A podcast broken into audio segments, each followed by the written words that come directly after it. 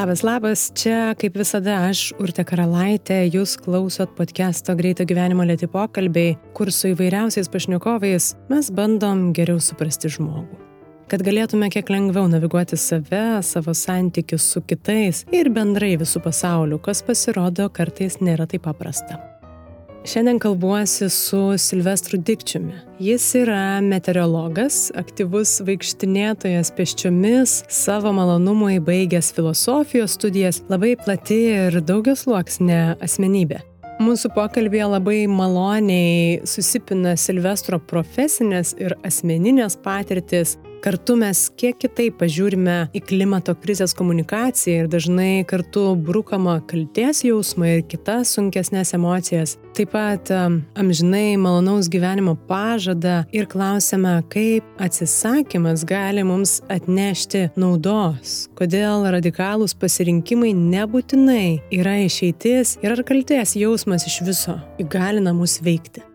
Beje, jei randat podcast'o pokalbėse kažką savo vertingo, tai nepamirškit dalintis jais socialinėse medijose ir savo aplinkose, o podcast'o gyvybei palaikyti visada kviečiu prisidėti prie pokalbių gyvavimo, kad ir visai simbolinė kasmėnesinė suma. Tai galite padaryti patreon.com pasvirasis brūkšnys lėti pokalbiai. Ir ačiū tikrai labai visiems, kurie jau prisidedate ir daugiau nei tris metus padedat podcast'ui važiuoti pirmin.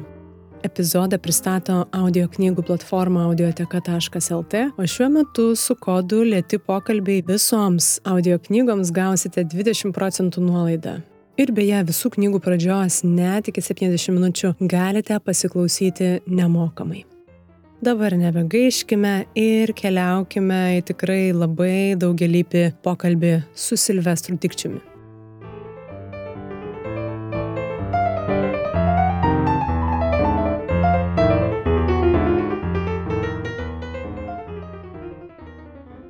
Ruošiantis pokalbiui ir skaitinėjant ir tavo pastaruosius tekstus, būtent apie klimato kaitą, klimato krizę. Pirmas klausimas man kilo toks naivus, kurį aš dažnai girdžiu iš kitų žmonių apie tai, kad e, ką mes paprasti žmonės galime. E, mus čia drožia ir spaudžia, kad e, turim ir tą ir aną kitaip daryti ir vaikščioti pėsčiomis ir, ir ne, nevažinėti automobiliais ir, ir rušiuoti ir taip toliau. Bet e, būtent tie didieji teršėjai ar ne pasaulio Lietuvos nėra tarsi mūsų tiesioginėse rankose ir šitas klausimas toks yra didelis, bet iš principo, kodėl mums paprastiems žmonėms apie tai kalbėti reikia? Tai iš esmės yra turbūt pats sudėtingiausias klimato kaitos klausimas, jeigu nekalbame apie kažkokius labai jau klimato klausimus arba mokslo klausimus, bet tai kaip mes turėtume elgtis, tai yra iš tikrųjų sudėtinga atsakyti ir sudėtinga nuspręsti, nes iš ties lyg ir mano indėlis yra nulinis, tavo indėlis irgi yra nulinis, nes mes suprantam, kad netgi jeigu pasikeisime visiškai, arba jeigu kuris nors iš mūsų numirs ir mes apskritai nebepaliksime savo pėdsako, tai niekas vis tiek nepasikeis.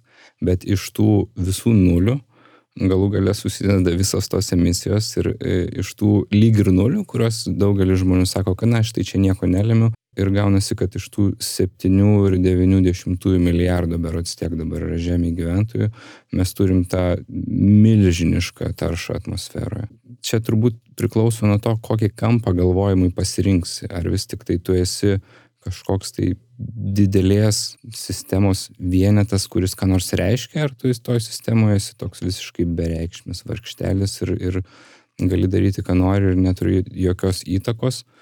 Čia atsiranda daug kitų klausimų. Atsiranda toks, na, atsakomybės vidinės klausimas, nes netgi suprasdamas, kad tavo veiksmai nieko labai daug ir nereiškia, žmonės, kurie yra atsakingi, jie pradeda jausti tam tikrą kaltę, kas nėra gerai. Iš esmės man čia labai primena krikščionybę ir tą pirmosios nuodėmės temą, kad tu jau gimsti kaltas. Tai klimato kaitos tema ir krikščionybė yra tuo požiūriu labai panašios, nes visi mes lyg ir nešam kažkokią nematomą kaltę.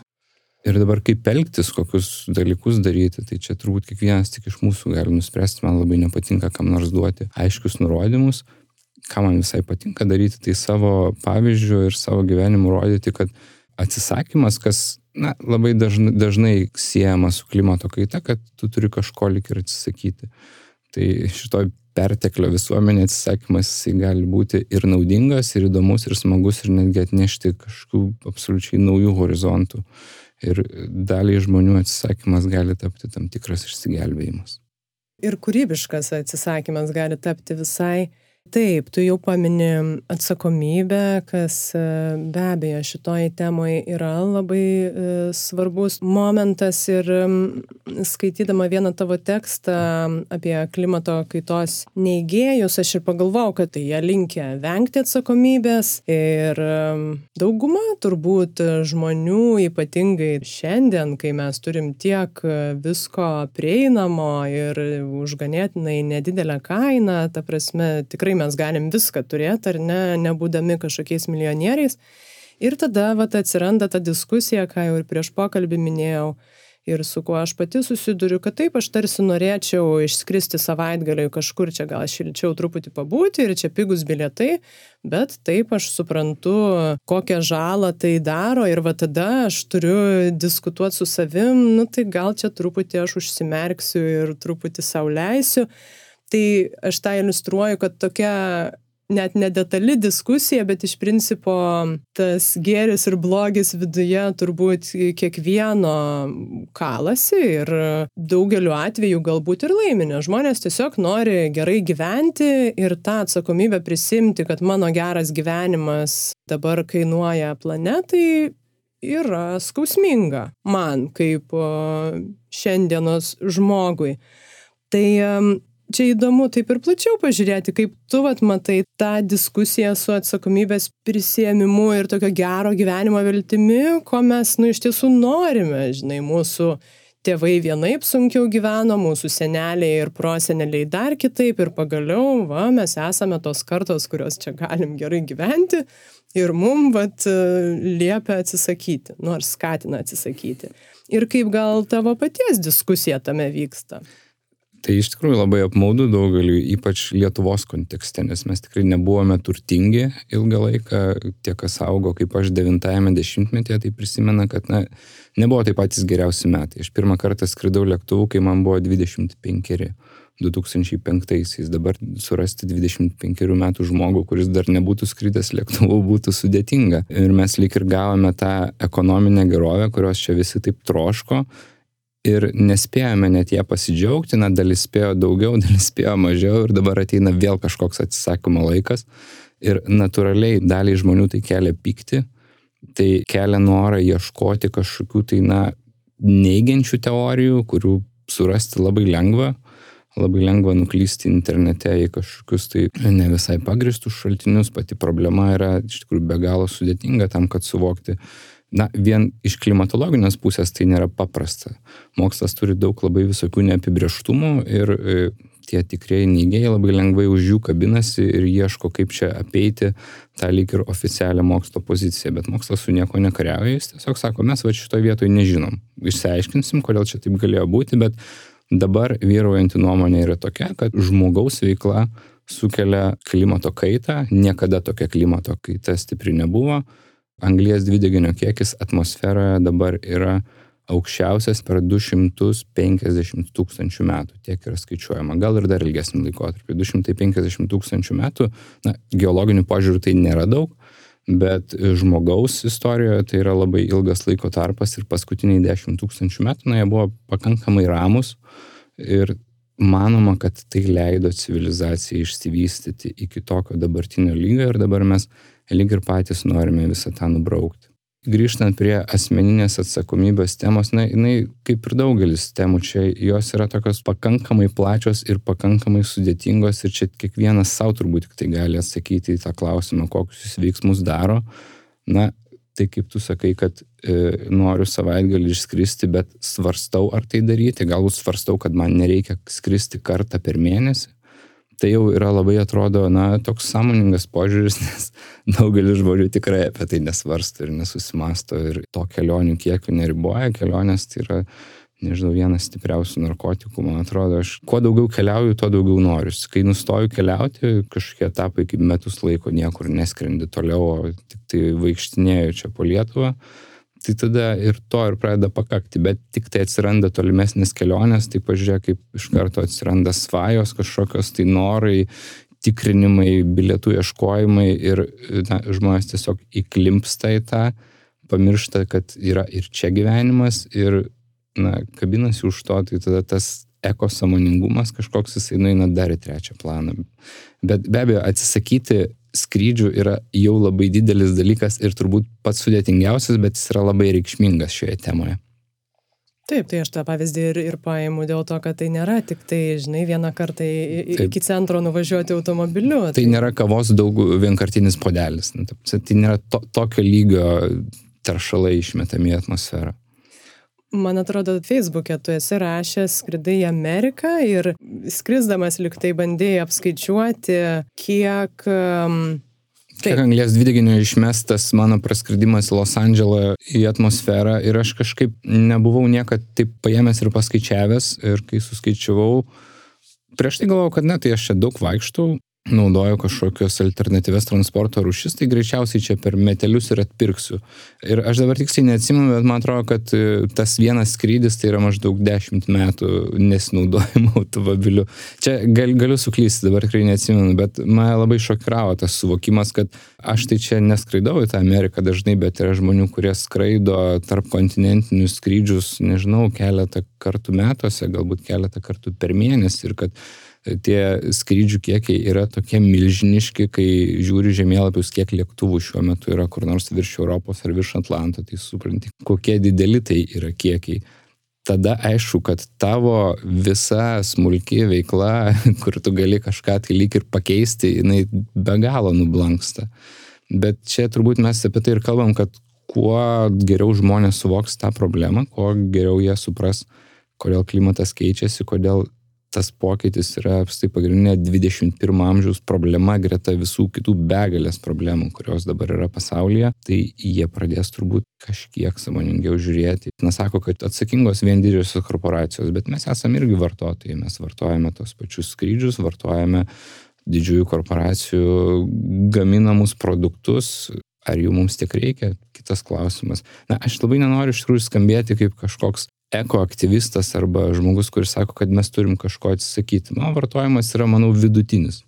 Tam tikrose sritise aš esu save apribojęs, bet aš esu apribojęs ten, kur man pakankamai neskausmingi arba malonus tie apribojimai. Kažkokių tai radikalių veiksmų aš nesėmiau ir nemanau, kad imsiuos ir nemanau, kad yra prasmė tai daryti. Aha, bet tu sakai, kad prasmės nėra, tarsi na vis tiek galvojant ar ne tai kuo mažiau aš e, viena išmesiu ar tų šiukšlių ar to dvideginio tuo geriau tarsi pasauliui būtų tai gal man reikėtų jau maksimaliai susiveržti diržus Na, yra labai daug radikalių nuomonių, ta prasme, turbūt pati radikaliausia tai neturėti vaikų. Jis labai daug ką šokiruoja, kaip apskritai taip galima mąstyti, bet tikrai yra žmonių, e, kurie taip masto, kad, na, šitoje situacijoje geriau mažiau žmonių planetai, nes kiekvienas žmogus yra tarsi teršėjas ir jie apsisprendžia ne dėl kažkokių kitų paskatų, bet bent jau kaip viešai, kaip pagrindinę savo paskatą neturėti vaikų, jie sako, kad tai yra klimato kaita. Na tai yra turbūt labai radikalu. Ir daugeliu žmonių tai keltų natūralų atstumimą, nes vis tik tai mūsų kaip rūšies tikslas yra save išplėsti ir palikti kažką po savęs. Dar grįšiu prie tos atsakomybės ir, ir prie tavo gal kažkokių diskusijų, nes ir prieš tai minėjai, tai taip, kad ir nesi radikalus ir leidi savo kartais vat, atvažiuoti automobiliu kažkur, kur reikia. Tai gal įdomu, vat, kaip tavo šitos diskusijos vyksta ir gal kaip jos keitėsi, žinai, kaip tu pradėjai truputį mažinti, atsisakyti, bet neradikaliai ir tada kokiu būdu tu atsirenki, kur jau vat, šitos kelionės man reikia, bet gal ne šitų dešimtų dešimties. E, pati... Aš tiesą sakant, apstai apie tai negalvoju. Nes e, aš galbūt reikėtų man papasakoti šiek tiek apskritai, kaip aš atsidūriau ir kodėl aš jaučiuosi galintis kalbėti apie klimato kaitą. Tai mano pirmoji profesija yra meteorologija. Aš rašiau magistrinį darbą būtent iš klimato temos ir lyg ir turėjau potencijos tapti kažkokiu klimatologu, kuris kalbėtų Lietuvoje būtent klimato kaitos tema. Tai buvo maždaug 2005-2006 metai ir tuo metu aš jau turėdavau pokalbius apie klimatą su žmonėmis. Ta tema buvo siaubinga, niekas neturėjo jokio ten normalaus raštingumo apie tai. Ir man, man irgi kėlė siaubą, kaip aš galėčiau dabar pasirinkti tokią kryptį, kur tiesiog nuolatiniam konflikte su žmonėm turėtum būti, nes žvelgiant trumpuoju laikotarpiu klimato kaita Lietuvai tikrai yra naudinga. E, pas mus yra ganėtinai prastas visas klimatas, taip kad pas mus taps kažkiek šilčiau, tai daugeliu patinka, man pačiam tai irgi patinka.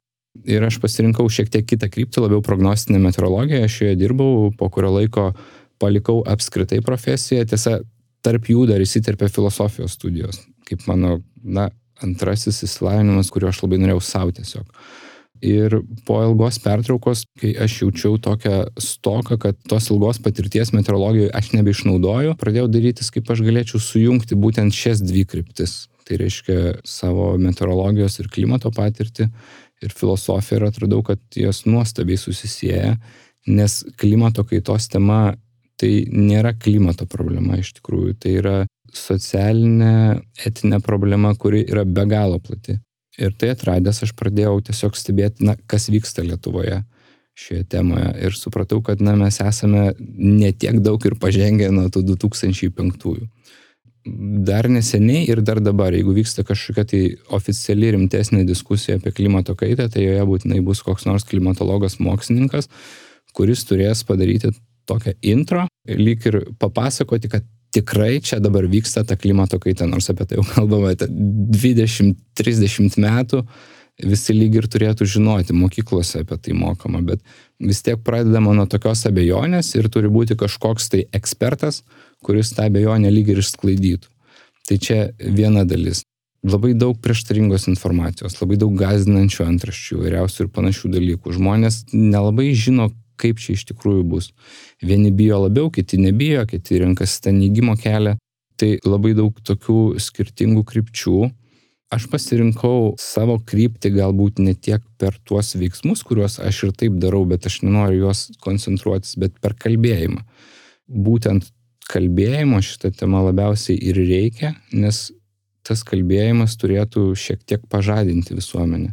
Buvo bandoma daug dešimtmečių supurtyti visuomenę, reiškia rašyti, kad, e, na, bus čia kažkokia pasaulio pabaiga, buvo rodomi dažnai vaizdai iš gamtos, iš žūstančios gamtos, tie vaizdai atsibodo po kurio laiko, jie žmonės tiesiog nustojo juos reaguoti. Dabar kalbame apie tai, kad mums reikia kažkokių tai istorijų parodyti, kaip tai paveiks visuomenę, kaip tai paveiks ekonomiką tas istorijas aš ir pradėjau pasakoti ir bandysiu pasakoti toliau, tai yra mano kovos dalis. Čia vat ir, ir grįžtam patį pirmą klausimą, kai kažkaip kvestionavau, kam kalbėti apie tai. Ir taip, tu palėti tą būtent e, komunikacijos klausimą, apie ką irgi uh, rašai ir galima tikrai pastebėti, kad e, nemaža dalis komunikacijos būtent apie klimato kaitą ir klimato krizę yra per kalties jausmo sukelimą, taip lipimą ant sąžinės, ten tavo minėti ir baltieji lokiai ir vėl lokiai ir vėl jiem ten tirpsta pagrindas iš po kojų ir koralai ir kaip čia liūdna. Tai tavo toks e, sarkastiškas to pastebėjimas man irgi gražina tas mintis, ypač kai tai yra taip tolima, tai dažnai yra reaguojama taip, kad kol tai ne mano kieme, nu tai tie balti lokiai ten kažkur telkia iš principo, jie yra nu kur, nu, mums realybėje jie, jie neegzistuoja.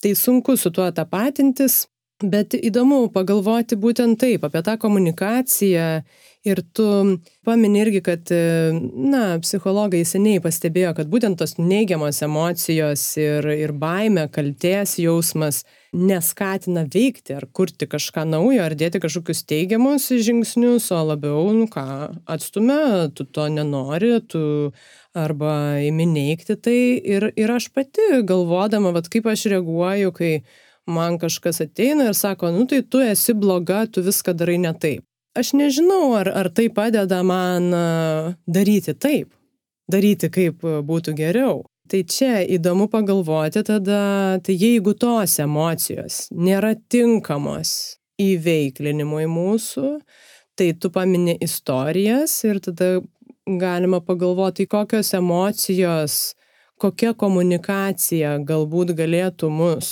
labiau įveiklinti? Na, iš ties ta komunikacija vyko taip įdomiai, kad buvo arba gazdinama, arba, arba buvo pateikiami tokie tiesmuki duomenys, kurių žmonės negali interpretuoti. Na ir dabar ten sako, du laipsniai. Mes negalim interpretuoti savo kasdieniai patirtį, ką reiškia du laipsniai globalios temperatūros pokytis. Na arba, kaip ir sakai, buvo visą laiką kalbama, kad tai lyg ir kažkokia tolima grėsmė, Ir e, tos šiaurės meškos jos neveltui man užkliuvo, nes na, mes tikrai nedaugelis galime empatizuoti baltiesiems lokiams. Galime turbūt kelias sekundės, bet negalime nuolat galvoti apie tai, kaip jie ten vargsta, nes mes turime savo kasdienybėje pakankamai daug problemų. Tai tarsi ta grėsmė visą laiką buvo projektuojama kaip esanti kažkur toli. Na, bet šią vasarą Vokietijoje įvyko pakankamai stiprios katastrofinės liūtis, kurios ir nusinešė žmonių gyvybių ir sugriovė daliai žmonių, na, kurie išliko gyvi, bet tikrai sugriovė ir sužalojo jų gyvenimus ir galiu sakyti, kad psichika, nes e, psichologai kalba ir apie tokį dalyką kaip potrauminį sindromą žmonių, kurie susiduria su stichiniais reiškiniais ir uraganas yra įvardinamas kaip vienas stipriausių tokių patirčių. Dabar grįžtant prie tos komunikacijos ir kaip mes turėtume komunikuoti, na, pasakoti istorijas turbūt tai jau vyksta, medijos pradėjo tai daryti, aš tikrai matau ir Lietuvos televizijose, kad yra neberodomi kažkokie tai abstraktus vaizdai, bet yra pasakojama, nežinau, ūkininko iš kažkur tai sausringų kraštų istorija, kaip tikrai keičiasi jo gyvenimas ir kad klimatas tose kraštuose, besikeičiantis klimatas jau veikia žmonių gyvenimus. Kitas dalykas, per kurį man pačiam norisi kalbėti ir kuris, man atrodo, čia yra labai svarbus, tai per naudas, kurias mes galime gauti iš prisitaikymo prie klimato kaitos ir iš kovos su juo. Nes e, kiekvienas mūsų veiksmas, jisai turi kažkokį tai poveikį ir mums, ir aplinkai. Tai tas paprasčiausias vaikščiojimo pavyzdys, mesgi puikiai suprantam, kad daugiau judėdami mes tiesiog sveikatinam savo kūną. Apskritai smegenys mums reikalingi tam, kad judėtume. Augalai neturi centrinės nervų sistemos, nes jie nejuda. Tai pati primityviausia smegenų funkcija yra tam, kad tu galėtum arba atsitraukti nuo to, kas tau kelia grėsmę, arba judėti link to, ko tau tuo metu reikia ir trokšti. Tai vaikščiojimas yra pats natūraliausias judėjimo ir susisiekimo būdas. Vartojimo kažkokio tai sumažinimas, na, mes turim ansvarą beveik visi šią vasarą Italijoje teko būti pleže ir bandėm rasti tiesiog vyrą, kuris būtų, matysiu, kad jis neišėjęs iš sporto klubo ir neina į penkias dienas per savaitę, kuris neturėtų riebalų ant pilvo. Tokių nebuvo. Iš principo visi kaupia tuos angliavandenių riebalus yra milžiniškas spaudimas iš marketingo iš ir reklamos valgyti daugiau negu tau reikia, tai galbūt mes galime tiesiog mažiau valgyti. Aš nesakau, kad mes turėtume kažkaip badauti, bet gal valgyti sveikesnį maistą. Pavyzdžiui, rinktis labiau ekologinį maistą, jis yra brangesnis, bet mažiau jo suvalgysime, kūnas tikrai jausis geriau, o ekologiniam maistui užauginti bus sunaudota mažiau šiltnamio efektą skatinančių medžiagų faktas, mažiau trašų ir panašių dalykų. Žodžiu, yra daug tokių kelių, kurie lyg ir neatsisakant, bet kažką pakeičiant ir gaunant naudos, tu jau gali prisidėti. Ir čia labai svarbu, kad ta visuomenės dalis, kuri yra turtingesnė ir kuri labai daug vartoja ir, ir kurios tas e, pėtsakas ta emisija yra didelė, jinai būtent imtųsi rodyti kažkokį tai pavyzdį, imtųsi tam tikros lyderystės čia ir padarytų, kad tai taptų madinga, kad tai taptų mados reikalas, nes aš nemanau, kad kažkokie studentai, kurių vartojimas ir šiaip žiauriai mažas, ten naudodami daugkartinį podelį padarys milžinišką indėlį. Taip tai svarbu, bet vis tik tai daugiausia, didžiausia pėtsaka palieka turtingesnė visuomenės dalis ir jinai turėtų imtis čia tam tikros atsakomybės.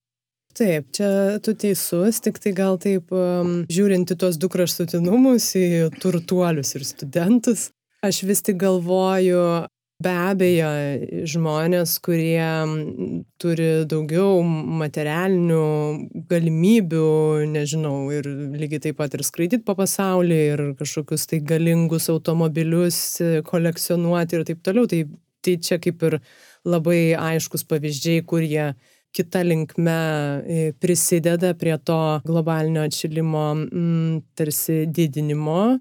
Bet e, aš matyčiau, kad e, gerai, studentas jau yra kitas kraštutinumas, bet aš matyčiau ir, ir tą didelę dalį nebūtinai turtuolių žmonių, gal net didžiausią masę, nes nuo ko tu pradėjai irgi kalbėdamas ir apie tą maistą, ir bendrai apie vartojimą.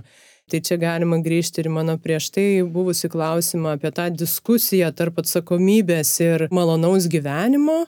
Mes pagaliau turim tą galimybę, žinai, leisti savo daug, mes norim to, nesvarbu, ar tai maistas, žinai, ir vartojam, ir čia jau lyg ir pavalgiam, bet gal dar desertas, gal dar ir dar ir dar bulvytės ir čipsai, nu kaipgi čia.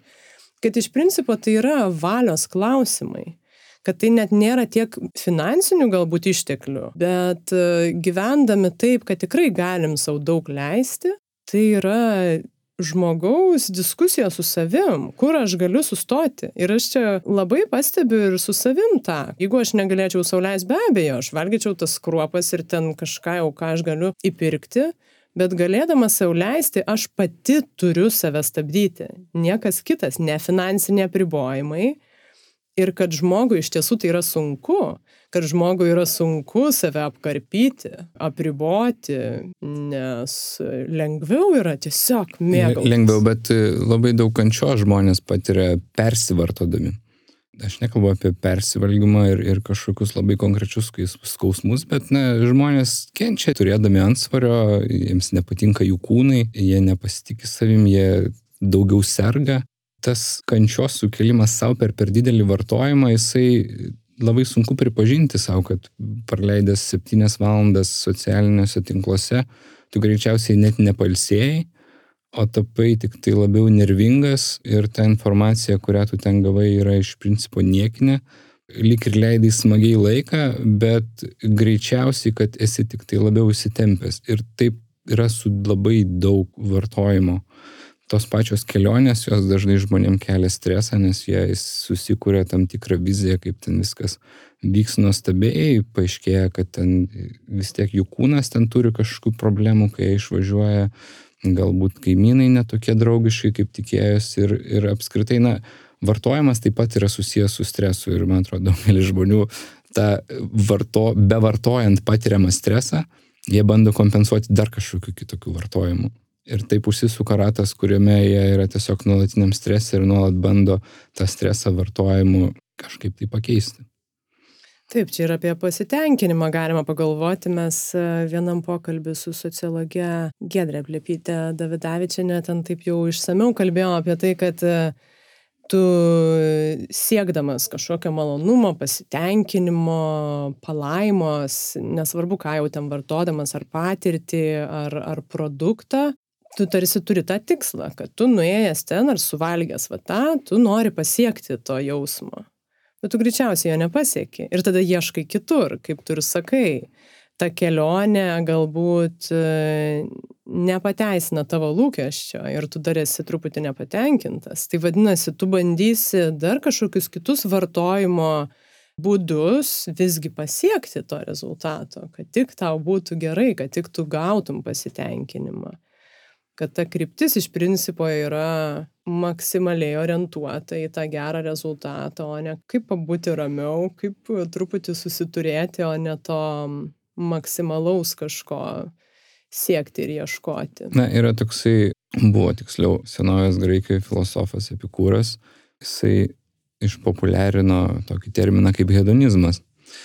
Tai aš turiu begalę draugų, kurie laiko save hedonistais. Jie iš tikrųjų vartoja visokiausių malonių dalykų, nemažai mėgstu juos perzinti, nes tai nėra tikrasis hedonizmas, nes epikūras tai juokėsi iš tokių žmonių ir sakė, kad na, tai čia nusivylusių žmonių malonumai. Ar ten labai skanus maistas, ar dar kažkokie tai dar aštresni malonumai, kurie ten daugiau dopamino į smegenis išskiria. Tai pagal jį tai švari sąmonė yra didžiausias malonumas. Ir to švarios sąmonės tiekti yra pakankamai sudėtinga, ypač turbūt pradinėse stadijose. Bet, na, galima kažkaip transformuoti tą malonumų poreikį, nes visi supranta, kad dirgindami save labai primityviais malonumais mes kenkiam ir, ir aplinkai, ir savo, ir psichikai. Čia mes einam prie samoningumo temos, kuri tampa paskutiniu metu šiek tiek nuvalkėto, nes visi tik ir sako, žiūrėk, samoningumas, samoningumas ir nebeaišku, ką ten daryti. Kaip čia tą samoningumą jungti, kiek aš turiu būti sąmoningas, ar turiu būti sąmoningas čia kiekvieną minutę, ar tik tai kartais turiu būti sąmoningas, nes jeigu visą laiką stengsiuosi būti sąmoningas, tai negalėsiu net paprasčiausių veiksmų atlikti, tik tai galvosiu, kaip aš čia ar kaip robotas funkcionuosiu. Tai irgi yra sudėtinga tema, to samoningumo trūksta, jo niekas mūsų nemoko, tie žmonės, kurie pajaučia, kad, nežinau, nerimo lygis per didelis pas juos, jie pradeda ieškoti kažkokių tai būdų, ateina iki mindfulness, ateina iki dar kažkokių tai patirčių arba radikal, radikalesnių meditacijos formų, na, kažko tai įbrukti kaip ir negalima, bet man atrodo, kad ateityje labai daug dalykų keisis būtent dėl ekologijos ir dėl klimato kaitos. Ir tai yra labai įdomi ir tuo pačiu dar nedaug išplėtota tema, nes keisis mūsų požiūris į tas pačias keliones, kurios dabar atrodo, na, vis dar yra kažkoks labai trokštamas dalykas ir pozicionuojamas kaip puikiausias veiksmas, kurį tu gali atlikti, tai kažkur keliaudamas įdėti nuotrauką į socialinius tinklus šią vasarą dvi savaitės keliavau Austrijoje ir Šiaurės Italijoje ir neįdėjau nei vienos nuotraukos niekur ir apstai nesinaudojau socialiniais tinklais. Sugalvojom su žmona, kad padarysim tokį žaidimą, įdėsim dabar kokiu nors nuotrauku ir bus dvigubi dopaminai. Reiškia, mes keliavom vasarą, patyrėm kažkokį malonumą ir dabar dar laikų gausim už tą vasaros kelionę. Galbūt toks žaidimas visai įdomus. Čia noriu paliesti dar prie vartojimo tiek patirčių, tiek daiktų prieš pokalbį tu man keletą raktažodžių parašei ir man du taip įdomiai susipriešino čia tokiam pažaidimui, gal lengvai paprovokuosiu, bet tu paminėjai daiktų minimalizmą ir tuomet patirčių įvairovę daugį. Ir man, galvojant apie tą patį vartojimą, tarsi atrodytų, kad galima šitus sudėti į vieną, kad galima vartoti ir daiktus, ir patirtis. Na, nežinau, tų patirčių irgi galbūt reikia vis e, stipresnių, vis daugiau jausmų sukeliančių ar adrenalino ir taip toliau. Tai e, kaip tu matytum, ar vat, e, tas patirčių kolekcionavimas irgi nėra tam tikras nuolatinio alkio bandymas pasotinti ir kas yra tavo tos patirtys? Čia turėčiau papasakoti tokią istoriją. Paauglystė mane labai sužavėjo toks rusų rašytojas yra Viktoras Pelevinas, bent jau tuo metu skaitančiai mano kartai, tai jis buvo rimtas sukretimas literatūrinis, postmodernus rašytojas. Visos jo knygos iš esmės yra apie nušvitimą. Jisai pasakoja apie kažkokį tai personažą, herojų, kuris gyvena šiomis dienomis ir galų gale per tam tikrus metus ateina iki nušvitimo. Ir garsiausias jo romanas yra Čiapajevas ir Pustata, tikrai žinoma knyga. Ten yra tokia scena, kur sėdi trys naujieji rusai prie laužo, valgo psichotropinius grybus ir kalba apie tai, kaip jiems pasiekti tokį dalyką kaip amžinas kaifas. Na, kaifas dabar toks žodis senoviškai skamba, bet tuo metu tai buvo išversta. Man labai sudomino šitą temą, nes jau tada buvo aišku, kad negali turėti nuolat malonumo, negali gyventi kažkokiam malonume. Ir tie naujieji rusai, jie priejo tokios išvados, kad didžiausiam tam amžinam kaifė tai gyvena vienuoliai kalnuose, nes jie tiesiog ištisinė malonume, nes jie jokių nemalonumų nepatiria. Na, čia toks labai paprastas budizmas. Ir aš, na, kažkaip tą temą vis, vis vyščiau ir galvojau, kaip čia man dabar priartėti prie to tokio amžino malonumo, nes e, kažkokios tai cheminės substancijos, maistas, jisai yra visą laiką laikinas, gali sukelti malonumą trumpalaikį, paskui gali jau ir nebesukelti, jau tik, tik nemalonumą iš to gausi. E, ir aš pradėjau ieškoti, labai, labai greitai atėjau, kad meditacija, tarkim, yra vienas tokių dalykų. Ieškojau iš pradžių meditacijos, nes tuo metu ir nebuvo mokslo gristos meditacijos, be abejo, kad susiduriu su jogos klubais, ten gauni kažkokią tai dozę šiek tiek religijos, ar, ar bent jau religinių patirčių, mane tai pakankamai stipriai atstumė. Tada aš atėjau iki mindfulness meditacijos ir šiuo atveju supratau, kad taip, tai yra tiesiog smegenų mankšta, tiesiog pratimai.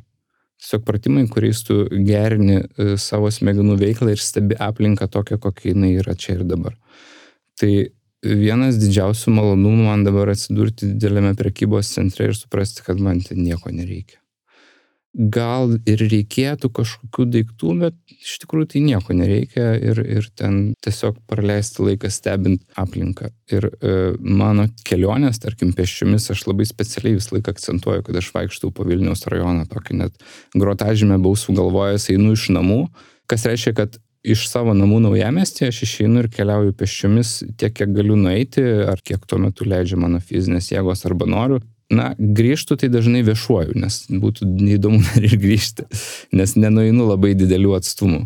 Tai aš visą laiką noriu parodyti kažkaip nebrūkdamas, kad per labai paprastus dalykus mes galime turėti labai įdomias patirtis. Ir tie bičiuliai, kurie kartais su manim išeina į tokius pasivaikščiojimus iš savo namų, jie supranta, kad jau po kokio pusvalandžio įimo jie atsidūrė kažkokia visiškai aplinkoje, kur yra nauja, jiem nereikėjo niekur skristi, ne Tailandas, bet ten ir žmonės kažkokie kitokie, ir, ir pastatai kitokie, ir architektūros visokios linksmos pasitaiko, kad labai arti yra labai įdomių patirčių ir tas patirtis galima tyrinėti ir tyrinėti labai daug.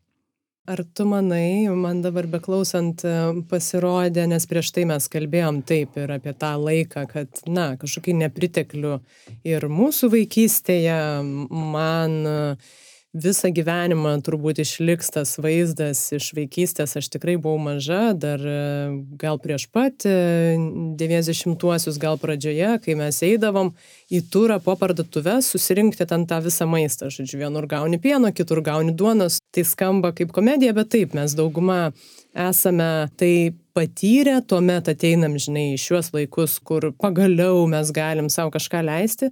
Ir tu dabar kalbėjai apie tas paprastas patirtis, su kuo aš irgi esu susidūrus, man trigubą nuostabą kelia ne tik ta patirtis, bet kad tai man sukelia tiek džiaugsmą, žinai, nu tai stebina lyginant su tuo, kas, kas taip, kas turėtų suteikti džiaugsmo, kabutėse, Tailandai ir ten, nežinau, maksimalūs kažkokie patyrimai, bet tuo tarpu tu nuvažiuoji kokius nors žemuosius panerius ar, nu, vat, nueini ir apsidairai ir supranti, kad čia yra kitas pasaulis. Tai mano klausimas čia užsiplėpėjau yra, ar tu manai, kad mum tam tikrą prasme reikia truputį atsivartoti, kažkaip pasiekti vieną kraštutinumą tam, kad galėtume grįžti į va tokius jautresnės patirtis. Ir dabar pradedam atradinėti va tą, ką tu kalbė, žinai, ko tu gal meditacijoje ieškai ar, ar tose įvairiose paprastose patirtise, kad neradę to, ko ieškom vartojime ar ten tose stipriose patirtise mes tik taip galim atrasti kitas. Na, man atrodo, kad žmonės šiais laikais labai, gal, gal ir seniau tai buvo, turbūt ne, ne, negyvenau, tai nežinau, bet labai linkę slopinti prasmės klausimą, nes e, prasmės klausimas yra toks stiprus ir persekioja žmogų per visą gyvenimą, jis visą laiką iškyla ir jį labai sunku atsakyti nedaugeliu tikrai pavyksta rasti veiklą, kurioje jis matytų prasme. Bent jau man tai prasme visą laiką siejasi su veikimu ir, ir su kažkokiu tai pokyčiu. Mes sakom, matau prasme, reiškia kažkas vizualiai keičiasi, kai mes matome tą prasme. Tas persisotinimas vartojimu ir vis didesnis vartojimas ir bandymas kompensuoti savo nepasitenkinimą dar didesniu vartojimu man labai siejasi būtent su tuo paprastos prasmės nematymu ir užmiršimu, kad jinai gali egzistuoti ir visiškai kitokiose formose. Na, čia labai sudėtingi iš tikrųjų klausimai, labai sudėtingi dalykai, labai, labai gili žmogaus psichologija šio požiūriu, mes lyginam save su kitais, matom aplinką, grįžtant vėl prie to, ką pradėjom, kalbėjome pradžioje apie klimato kaitą. Dėl ko vieno žmogaus atsisakymas, kažkokių dalykų atsisakymas, jisai man atrodo, na, aš vengčiau to ir rekomenduočiau vengti, nes mes vis tik tai linkę lyginti save su kitais.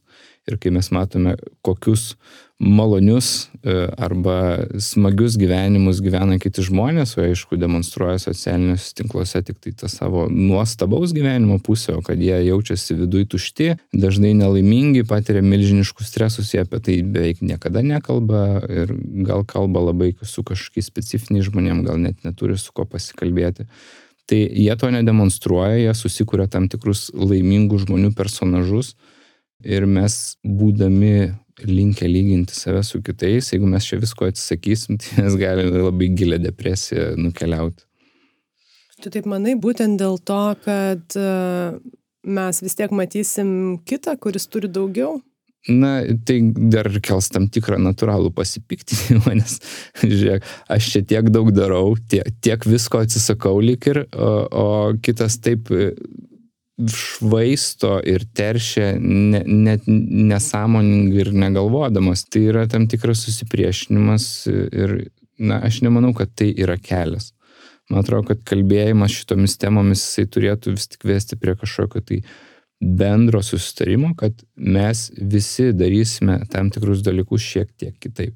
Dar labai įdomu pastebėti, kad tarkim Lietuvoje visas valstybės e, aparatas eina keliais žingsniais toliau negu piliečiai Dėl to, kad būdami ES mes tarsi esame įsipareigoję vykdyti e, susitarimus, kuriuos pasirašo Lietuva ir mes visi juos tiesiogiai pasirašome, tik tai kaip ir net nežinome, kad esame pasirašę. Dabar, pavyzdžiui, klimato kaitos konferencijoje yra pasirašyti tam tikri nutarimai dėl miškų apsaugos, dėl metano išmetimo mažinimo Tai Lietuva juos irgi pasirašė. Tai reiškia, kad tai paveiks mūsų visų gyvenimus. Man labai jokinga, kad politikai šiuo atveju yra žingsnių toliau ir žingsnių priekyje negu daugelis eilinių piliečių, kurie nesupranta, kad mes esam įsivėlę jau ir kad jie irgi yra atsakingi. Taip, tu, tu kalbė apie tą bendrą susitarimą, bendrą tokį mažinimą po vieną milimetrą ar kažkokius mažus žingsnius Dar galiu čia mhm. įsterpti, aš e, save bandžiau įsivaizduoti kaip valstybę, nes, na, iš tikrųjų tai žmogus yra tam tikrą prasme valstybė. Mes turim savo biudžetą, turim savo net ginkluotas pajėgas. Ir jeigu mes žiūrėtume į valstybę arba į kažkokią valstybių susitarusių bendradarbiauti santalką, kaip yra Sąjunga, tai turim planą ekologinį dabar iki 2050-ųjų, tas planas yra labai aiškus. Tai aš noriu išsikelti savo kaip žmogui lygiai tokį patį planą. Aš nenoriu nukirsti visko, kuo aš gyvenu dabar, iškristi iš bendro konteksto, tapti kažkokiu tai, nežinau, turbūt miške reikėtų gyventi ir nieko nebevartoti. Bet aš noriu pasidaryti savo pačiam tokį planą ir pasižiūrėti, ko aš galiu atsisakyti per laiką, mažiausiai nukentėdamas ir mažiausiai kentėdamas ir netapdamas kažkokiu tai atsiskyrėliu. Tai man atrodo, kad bus labai įdomus projektas, nes jisai tęsiasi iki 2050-ųjų, dar 29 metai, praktiškai iki 70 metų galėsiu planuoti savo gyvenimą ir, na, tą nulinę misiją ketinu pasiekti kaip ir ES 2050-aisiais.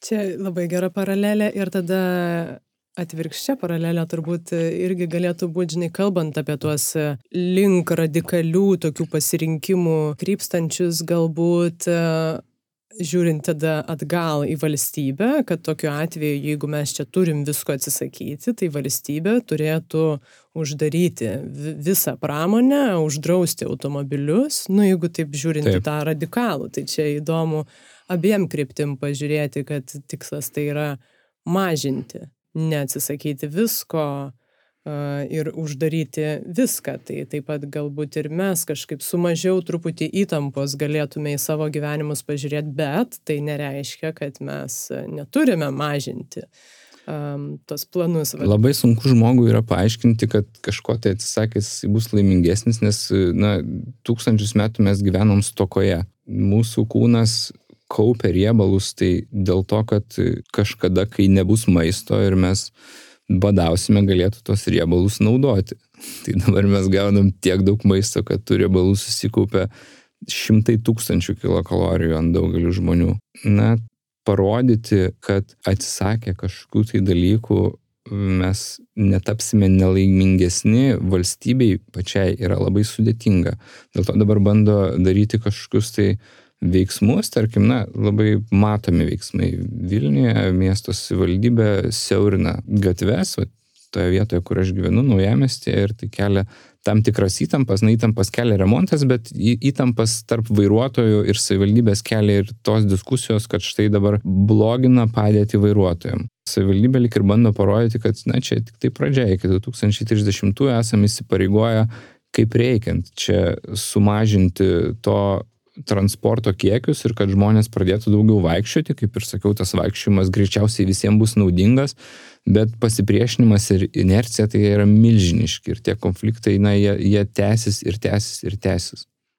Šitą temą aš galvojau paliesti, žinau, kad tau aktualios e, ir man aktualios, aš tik supratau, kad tai yra taip platu, kad e, atskiro pokalbio reikėtų, bet čia įdomu pastebėti, taip, aš irgi aplinkoje be abejo turiu įvairių žmonių, su kuriais ten tikrai yra ką veikti, padiskutuoti, pokyčiai neišvengiamai, ypač tokie, na, ganėtinai drastiškai, jau kalbant, nežinau, viso miesto e, kontekste, jie neišvengiamai turės stiprų pasipriešinimą, kad kitaip tikėtis net negalima, neįmanoma. Nu, turiu menį, čia galima diskutuoti, taip, ar jau ten techniškai vienoje ar kitoje vietoje ten tie žingsniai teisingai dedami ir kažkur gal klaidos pasitaiko, bet um, tą situaciją, na, jeigu kalbant būtent apie eismą, eismo įvykių, tai be abejo ir taršą, automobilių naudojimą kasdieniuose visuose žingsniuose ir šeimoje dar turbūt po, po kelis automobilius, tai tą keisti, norint, nėra kitų būdų turbūt. Ar tu matytum kitus būdus negu per nepatogų pokytį? Tai be abejo, nes vienas tai yra, kad nepatogus pokytis, nes, na, kaip rodo visą tai, kaip vyksta, kad tas samoningumas tai yra kaž, kažkur jisai gal ir egzistuoja, bet tikrai ne šitoj sferoj. Aš pažįstu žmonių, kurie atsisako šeimose, tarkim, antrojo automobilio, bet jų yra labai mažai, nes dalis tai turbūt norėtų dar ir trečią turėti. Tai tas pokytis, jisai vyks ir jis visą laiką vyks per tam tikrą politikų politinės valios demonstravimą arba jos neturėjimą ir jisai bus skausmingas nepavyks išvengti kažkokių tai konfliktų, nes tai daugelį žmonių vis tik tai siejasi su, na, tam tikra ideologija jų, su, su tam tikromis vertybėmis. Tai nėra paprasti dalykai ir pasipriešinimas tada, kai jau pradeda liesti labai konkrečią mano kasdieninę veiklą, jisai tikrai bus stiprus. Bet čia iš karto galvojant apie pokytį, kilo klausimas, ar iš viso pokytis gali būti patogus ta prasme, pats tas procesas, jis nebus patogus. Net jeigu jisai ves link labai objektivaus gėrio, jis vis tiek sukels tau kažkokį Na, čia turbūt labai skirtingi žmonės yra. Vieni yra labiau atviresni naujom patirtim, kiti yra iš vis tokiom patirtim uždari ir jiems bet kokie pokyčiai nepatinka. Tai E, varomoji viso pasaulio jėga yra kažkoks tai balansas, nes jeigu būtų vien tik tai konservatoriai, tai turbūt nebūtų viskas judėję taip, kaip judėjo į priekį. Jeigu būtų vien tik tai liberalai, tai greičiausiai ta visa mašina irgi būtų subirėjus ir, ir, ir tas balansas jisai turbūt turės išlikti ir šitose ekologiniuose visose klausimuose. Mes dabar taip kalbam jau apie, nežinau, ketvirtą turbūt tavo tokią aktyvę veiklą ar domėjimosi sritį, nes būtent peščiųjų judėjimai ir peščiųjų asociacijos narys, tu dar vis esi, ar ne? Nežinau, taip, esu narys. Mhm. Tai čia neišvengiamai priartėjom prie tavo daugelipiškumo. Įdomu, kaip net ir taip retrospektyviai žiūrint, kaip kito tavo santykis su tuo daugelipiškumu, kai tu pradėjai galbūt atrasti, kad, kad tau gal neužtenka vat, kažkokios tai vienos krypties ir, ir tų pokyčių būta, ar ne? Nuo meteorologijos tu kažkurio metu atsitraukiai, tada lyg buvo filosofija, po to grįžti atgal, bet tu, tu nesustoji ir ieškai toliau papildymų tam tikrų. Nėra taip, kad tu viską meti ir eini visai kitą kryptim, bet tau tų sluoksnių įvairių norisi. Tai čia įdomu jo, kaip keitėsi tavo paties e, santykis su, su savim tokiu daugias sluoksniu.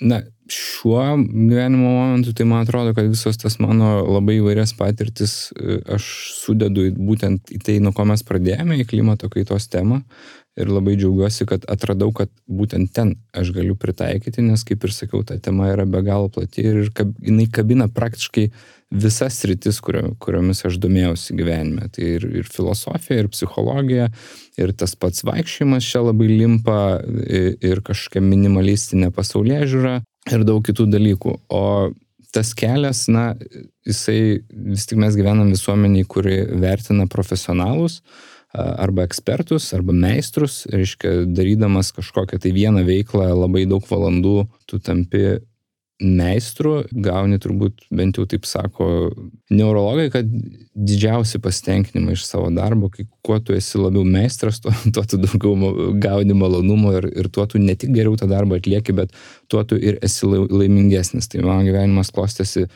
Priešingai, aš e, labai skirtingas ir sakyčiau kartais radikaliai skirtingas veiklas veikiau, bet jas, na, jungia kažkoks tai vis tik tai ieškojimas. Turbūt radikaliausia mano gyvenime turėta patirtis ir tuo pačiu nuostabiausia, tai kai aš būdamas 27 metų įstojau studijuoti filosofijos bakalaurą, pažymėsiu bakalaurą, tai tiesiog studijos, aš gyvenau Vilniuje, studijavau Kaune ir važinėdavau nemažai į Kauną Ir lygiai tais pačiais metais aš pradėjau dirbti orų pranešėjo LRT. Ir penkis metus dirbau orų pranešėjo, penkis metus aš studijau filosofiją. Tai nežinau, kartais tas, tas gyvenimas būdavo labai šizofreniškas iš tikrųjų, nes aš teidavau į televiziją, apsirengdavau kostiumą, ten atlikdavau savo tą funkciją orų pranešėjo ir grįždavau namo skaityti kantą. E, ir tam tikrose susidūrimuose su žmonėm tai būdavo labai visokių jokingų situacijų, nes kai studijuoji filosofiją, įkeli savo galvą be galo daug turinio, E, perskaitai be galo daug tekstų ir paskui tie tekstai išu, kad iš tavęs pradeda išydinėti jau kažkokie tai sukramtyti kaip tavo paties mintis. Tai būdavo labai netikėta kartais žmonėm, kaip čia dabar tas orų berniukas, čia gali taip paskaldyti tokiam temam. E, ir paskui, kai man reikėjo rinktis darbo temą, baigiamojo aš pasirinkau būtent e, rašyti apie simuliakrą darbą, nes man atrodo, kad tuos penkis metus aš pats buvau tas simuliakras, nes lik ir buvo transliuojamas televizijoje vienas mano vaizdas, bet ten nebuvau aš, ten buvo mano kažkokia lik ir iš, iškamšėlė, e, o aš tuo metu gyvenau dar visai kitokį gyvenimą ir, ir ten buvo viskas labai intensyvu, nes dirbau du darbus ir dar studijavau. Tai turbūt buvo pati radikaliausia patirtis. Filosofijos studijos, kai tu esi suaugęs, jas duoda irgi labai daug, ten praeini labai įvairių fazių ir viena jų, bent jau kuri man nutiko apie antrus, trečius studijų metus, tai savo nežinojimo įsisavinimas, nes toks begalinis informacijos kiekis, na, net ne informacijos, išminties kiekis tenais yra. Skaitydamas sudėtingus filosofinius tekstus, tu tenais tikrai nesupranti, skaitai antrą, trečią, ketvirtą kartą ir net dėstytojai sako, kad nu šito tai aš nesuprantu. E, ir, ir visi supranta, kad, kad tai, tu tiesiog patiri savo ribotumą, supranti, kiek daug tų dalykų nežinai ir nuo to atsiduri tam tikroji dobėjai. Atsiranda tam tikras konfliktinis santykis netgi su pasauliu, nes matai, kad žmonės kažkokiais niekais domisi, orais kažkokiais domisi, o čia yra tokie gilūs dalykai. Ir va iš tos dobės, kai pradedi lipti, tada dar kitokie procesai vyksta žmoguje, tai vėlgi dabar man atrodo, dėl ko aš galiu, būdamas meteorologas, rašyti kažkiek net ir apie tarptautinę politiką, nes pabaigus filosofijos studijas supranti, kad tu gali daryti bet ką gyvenime. Iš esmės, ką aš ir dariau, aš išėjau dirbti į kino platinimo kompaniją, nes domėjausi kinu ir tapau atstovų spaudai, tai yra dirbau su viešaisiais ryšiais. Paskui dar įvyko daug, daug visokiausių pokyčių mano gyvenime ir aš grįžau prie profesijos, lyg ir iš kitos pusės, būtent dėl to, kad aš pradėjau galvoti, kad, na, aš čia nebe, nepanaudoju ten turimų žinių ir dabar jos man susisieja į vieną daiktą. Labai įdomu būtent taip, kad filosofija ir dar būdamas, na, jau suaugęs žmogus, susidurdamas su tuo Tai senovės graikai jis sakė, kad, e, neatsimenu, kuris dabar čia filosofas, sakė, kad filosofiją šiaip reiktų studijuoti maždaug apie 30 metų. Kaip, kaip man ir nutiko, nes iki tol tai reikėtų išmokti kokią nors amato, o filosofijos studijų turėtų imtis jau šiek tiek vyresnis žmogus, nes tom jaunoms smegenims gali būti netgi, netgi ir pavojinga. Bet yra iš tiesų, na gal ir aš pati esu su tuo nemaloniai, tikrai taip, nu, konfliktiškai su savim susidūrusi, kai tu jau esi, na, kažkokioj brandoj, kaip čia, pirmo levelio brandoj, tai pasakysiu. Ir tu susiduri su tuo ribotumu, nežinojimu, na, filosofijai gal labiau nesupratimu, nes ten ne faktai, tokių žinojimo faktai, kur tu tau jau atrodo, kad tu jau lyg ir supranti truputį pasaulį ir staiga tu atsiduri ten, kur tu iš tiesų nieko nesupranti. Arba tu netaip supratai, netaip prieėjai prie to. Ir... Aš jaučiausi protingesnis prieš filosofijos studijas. Iš tikrųjų. Ką aš ir noriu pasakyti, kad tu iš tiesų tuo metu susiduri taip su savo tam tikru kvailumu, kai pamatai, kiek sluoksnių gyvena. Na, aš, taip, aš vadinčiau tai su savo ribotumu tam tikru, e, nes čia jau labai tokios negatyvios savogos, tai tas, tas ribotumas, kai tu jį supranti, tai vis tiek gali duoti naudos, nes tai tave lyg ir skatina nesustoti ir visą gyvenimą kažkaip tai keistis. Buvo žmonių, kurie man sakė, o tai čia baigiai dabar va filosofiją, tai viskas jau, viską čia dabar žinai. Tai kaip ir, nu, lyg, lyg ir jau reikėtų kažkaip užsikonservuotis, bet, bet kaip tik yra priešingai, nes tas savo nežinojimo lygis, jisai yra toks didžiulis ir tu matai labai daug laukų, kuriuose galėtum plėstis. Bet tą priimti savo, na, taip, savo ribotumą yra, yra iššūkis toksai, nes iš principo žmogus, ne, tam tikras pripažinimas, kad tu esi silpnesnis galbūt negu, negu tu norėtum būti. Mes norim būti bendrai žiūrint faini, norim būti stiprus, gražus, patikti, protingi be abejo.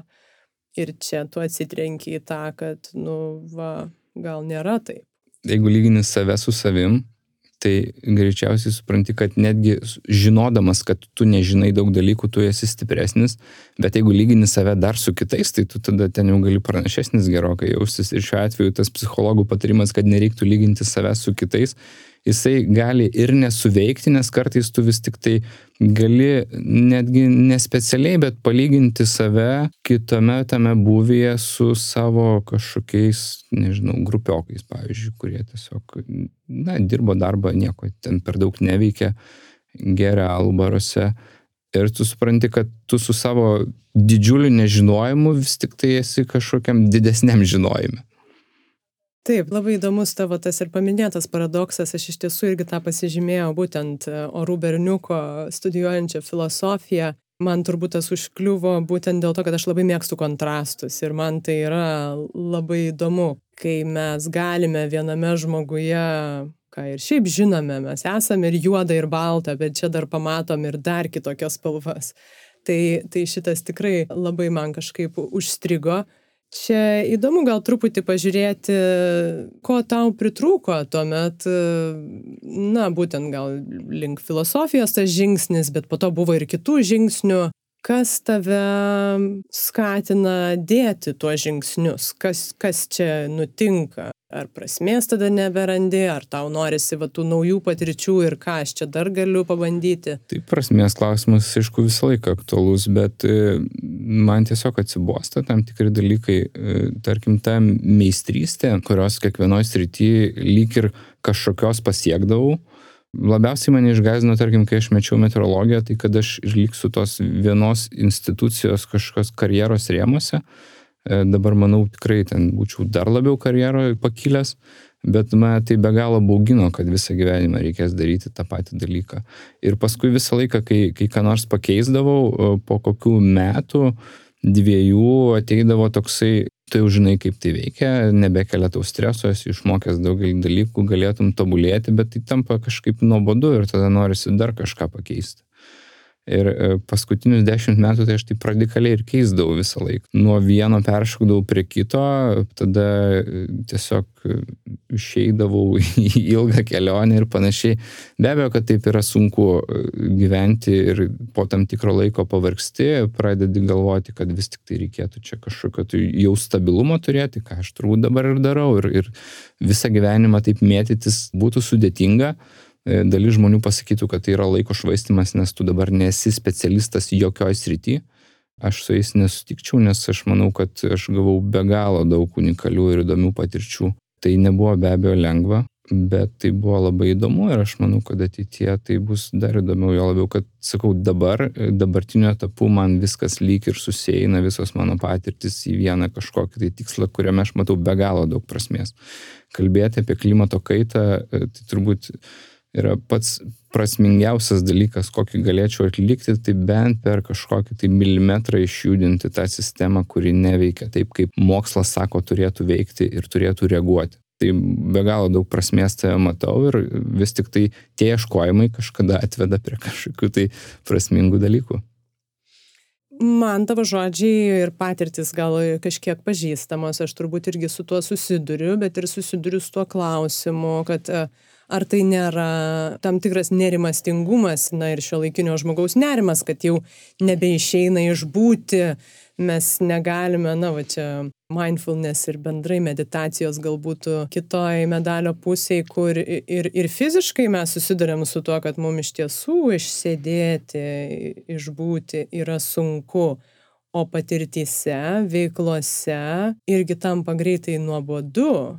Ar tu bandai tas ribas judinti, na ir savo, nežinau, kantrybę, valią, ar leidi savo gana impulsyviai e, rinktis, reaguoti, keisti? Na, tas interesas jisai pats atsiranda mes negalime kontroliuoti šitų procesų, jie tiesiog susikoncentruoja, kažkaip tai susikaupia ir tu supranti, kad tavo dėmesys jau yra kitur. Na, dėmesys yra vienas, sako, laikas labai brangus dalykas, dėmesys yra kitas toks. Pagal brangumą aš lyginčiau kartu su laiku einantis. Tai tam tikrų momentų tu supranti, kad e, ta veikla tau nebeteikia džiaugsmo, tavo dėmesys krypsta kitur ir tada paskui tą dėmesį ir keliauja. Tai ko gero tai yra tam tikras nerimastingumas, nes daliai žmonių pokyčiai kelia didžiulį stresą. E, na, šiek tiek streso visą laiką yra gerai. Gyventi visiškai be streso, na, mes turbūt ir negalėtume. Man pokyčiai visą laiką kelia ne tik stresą, bet ir tam tikrą gerą nerimą. Čia kaip Kirkegoras yra berots pasakęs, kad nerimas tai laisvės svaigulys berots. Kažkaip panašiai. Tai be abejo, kad yra tame ir nerimo. Aš nežinau, čia turbūt kiekviena mūsų asmenybė skirtinga, turbūt dalis žmonių gyvendami tokį gyvenimą kaip mano, tai jie iš vis išprotėtų ir, ir sakytų, kad čia yra nesąmonė.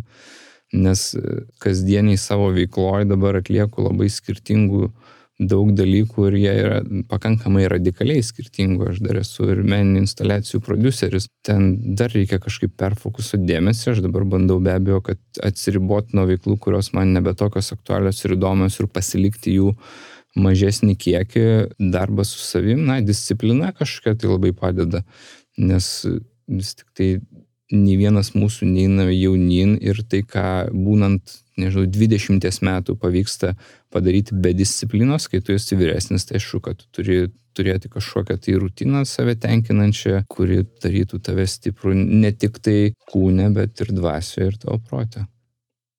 Šituo momentu buvau pasiruošusi kažką dar klausti, bet tuo pačiu, lygiai tuo pačiu metu supratau, kad jau čia yra ta nata, kur labai gražu pabaigti mūsų šį kartą pokalbį.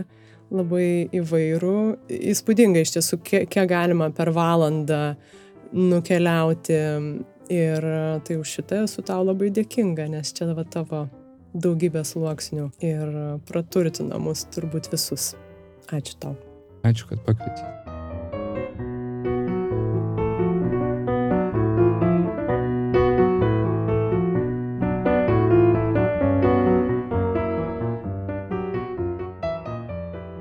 Ačiū, kad taip nuosekliai, reguliariai dalyvaujat su mumis pokalbiuose. Nepamirškit, kad visada galit brūkštelt po pokalbio kažkokias kilusias mintis man socialinėse medijose. Aš pati tą žinutę skaitau ir tikrai atsakau visiems man būna labai įdomu išgirsti, kaip tos mintys ir mūsų pokalbiai girdisi kitoms galvoms, kokie klausimai ir mintys kyla. O po šio pokalbio man liko tikrai daug įvairiausių pagalvojimų, nes pokalbis taip pat labai toks daugias luoksnis. Ir tokiais aš visada labai džiaugiuosi. Bet labiausiai turbūt man įstrigo Silvestro mintis apie dėmesio brangumą. Gali būti, kad šiuo kampu apie dėmesį dar niekada nebuvau pagalvojusi ir tai tikrai labai kažkaip man atrodo visada vertinga ir šiuo atveju labai su Silvestru sutinku. Primenu, kad podcast'o pokalbių galit klausyti visur, kur jums tik patogu - Spotify, iTunes ir visose kitose programėlėse bei tinklalapyje karalaitė.com pasvirasis brūkšnys podcastas. Epizodai, kaip visada, išeina kas antrą trečiadienį, bet jų ir kitų podcast'o naujienų niekada nepraleisit, jeigu seksit jį Instagram ir Facebook paskiruose arba pačiose audio platformose. Podcast'o kūrimą dalinai finansuoja spaudos, radio ir televizijos remimo fondas ir daugybė jūsų, kurie prisidedat Patreon platformoje. O podcast'o draugai Vilniaus universiteto radio stotis Start FM, kurių studijoje aš visą laiką įrašinėju pokalbius Klausykit radio stoties Vilniuje FM dažniu 94,2 arba internete startfm.lt. Epizodų muzikos autorius Filipe Raposo. Kaip ir kiekvieną kartą podcast'e Greito gyvenimo lėti pokalbiai su jumis buvau aš, Urte Karalaitė. Šiandien kalbėjomės su meteorologu Silvestru Dikčiumi. Šį kartą pasiūlysiu atkreipti dėmesį į mūsų dėmesį ir jo tikrai labai brangią rolę. Būkim jam atidus ir jautrus. Iki kitų kartų.